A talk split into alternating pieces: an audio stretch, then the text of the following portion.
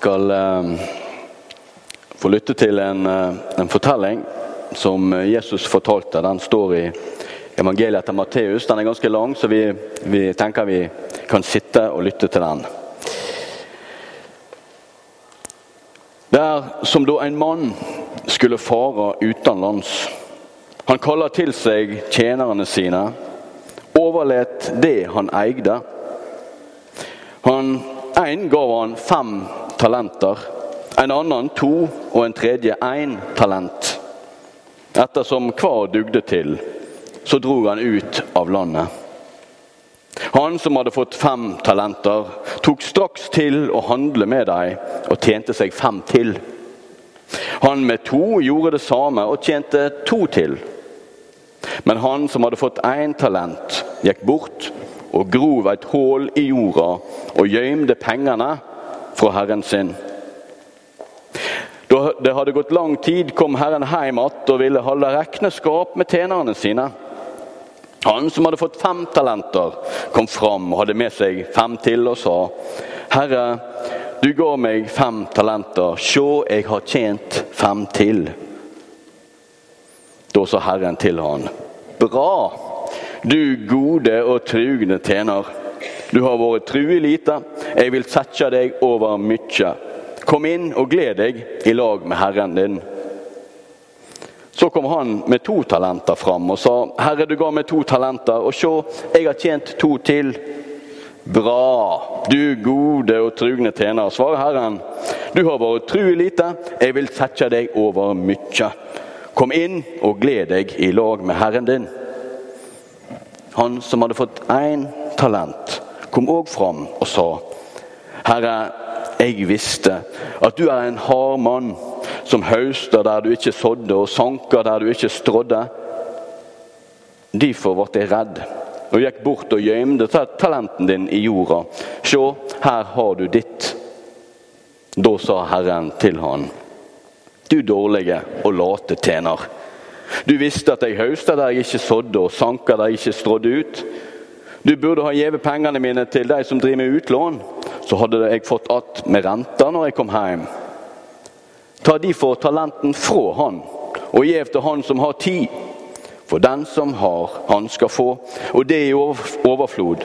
Men den som ikke har, skal bli fratatt jamvel det han har.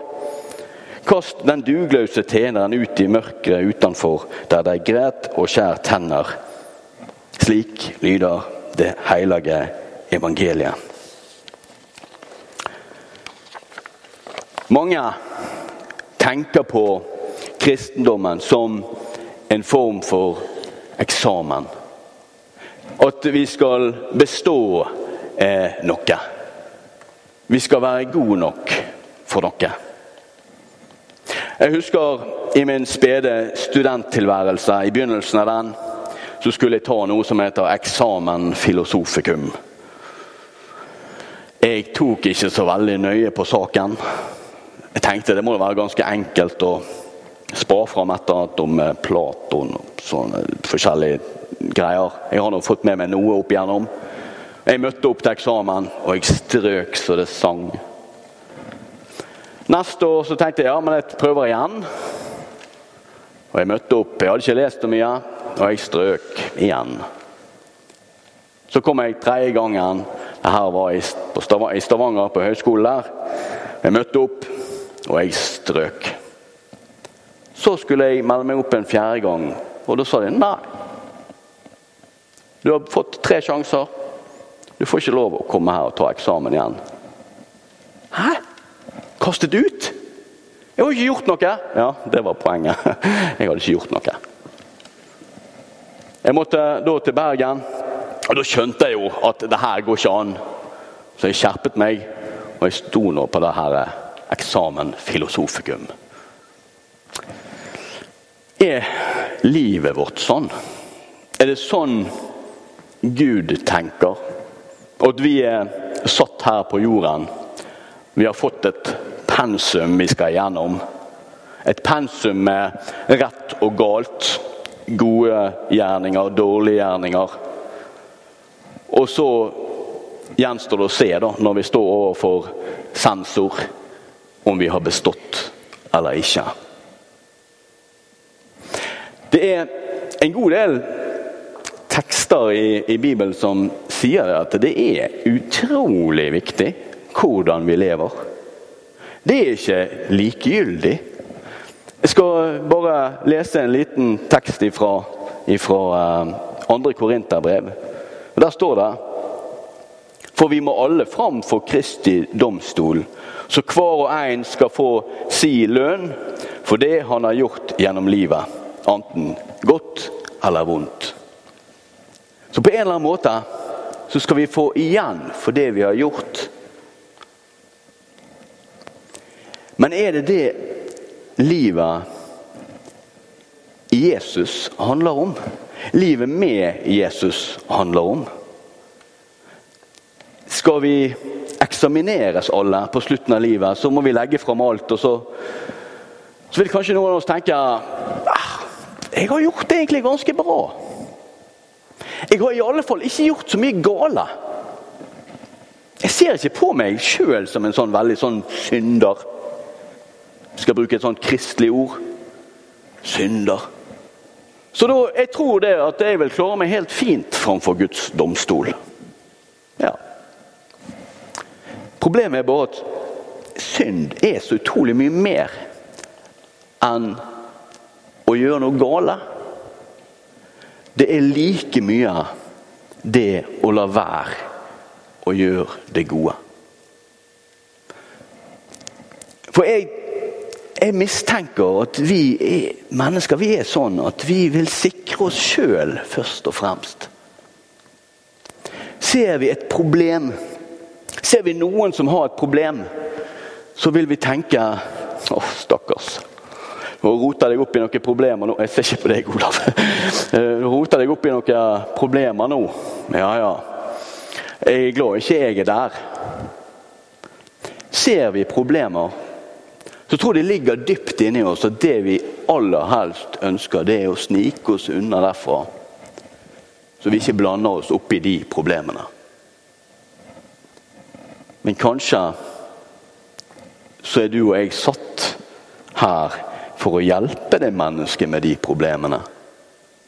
Faktisk så er vi satt her for å kanskje ta på oss de problemene. Men noen av oss tenker hvis jeg ikke blir skitten på hendene, så er det godt nok. Jeg sniker meg unna. Jeg tror det. Og jeg vet at Jesus tenker sånn. At vi alle mennesker vil komme til kort. Til syvende og sist vil vi det. Og det vet han. Til og med den personen som fikk fem talenter. Til og med han vil komme til kort. Og da tror jeg vi kommer til poenget. Fordi at talenter, hva er det for noe? Når vi hører denne fortellingen, så tenker vi oi, en har fått mange egenskaper. Det er bra skal bruke de egenskapene, så blir det til noe bra. For talenter er jo egenskaper. Men talenter er en myntenhet. Én talent er verdt i dagens kronekurs 12 millioner kroner. Fem talenter er 60 millioner kroner. Det er så mye penger at det kan ikke handle om hvorvidt man er flink til å spille saksofon eller ikke. Det handler om noe som er så ufattelig mye verdt at vi nesten ikke helt klarer å forestille oss hvor mye det er verdt. Og det er en gave. Hva er utrolig mye verdt, og hva er en gave? Jo, det er troen vår. Troen vår. Og det er troen vår som vil avgjøre dommen vår. Da skyves vekk gjerningene, om vi klarer, om vi presterer. Spørsmålet er tror vi. Og Da blir vi plutselig litt sånn maktesløse. For det, men, eh, tro, ja, men det er jo bare noe jeg har. Ja. Og så vil kanskje noen si oi, men tro er kanskje noe jeg ikke har. Eller kanskje jeg har litt, eller mye tvil, eller Troen er gitt. Er gitt oss. For ikke å bli skjult. Den skal være åpen. Den skal ikke graves ned. Den skal ikke settes under et kar. Og Det er et, det er et flott, eh, et flott bibelord i, i Markusevangeliet, kapittel 4. Og der står det Når de kommer inn med ei oljelampe, set de henne da under et kar eller under senga. Set de ikke lampa på en halvdar? For ingenting er løgnt uten at det skal bli synlig, og ingenting er gjemt uten at det skal komme for dagen. Om noen har øre å høre med, så hør. Og han sa til dem, akta vel på det de hører.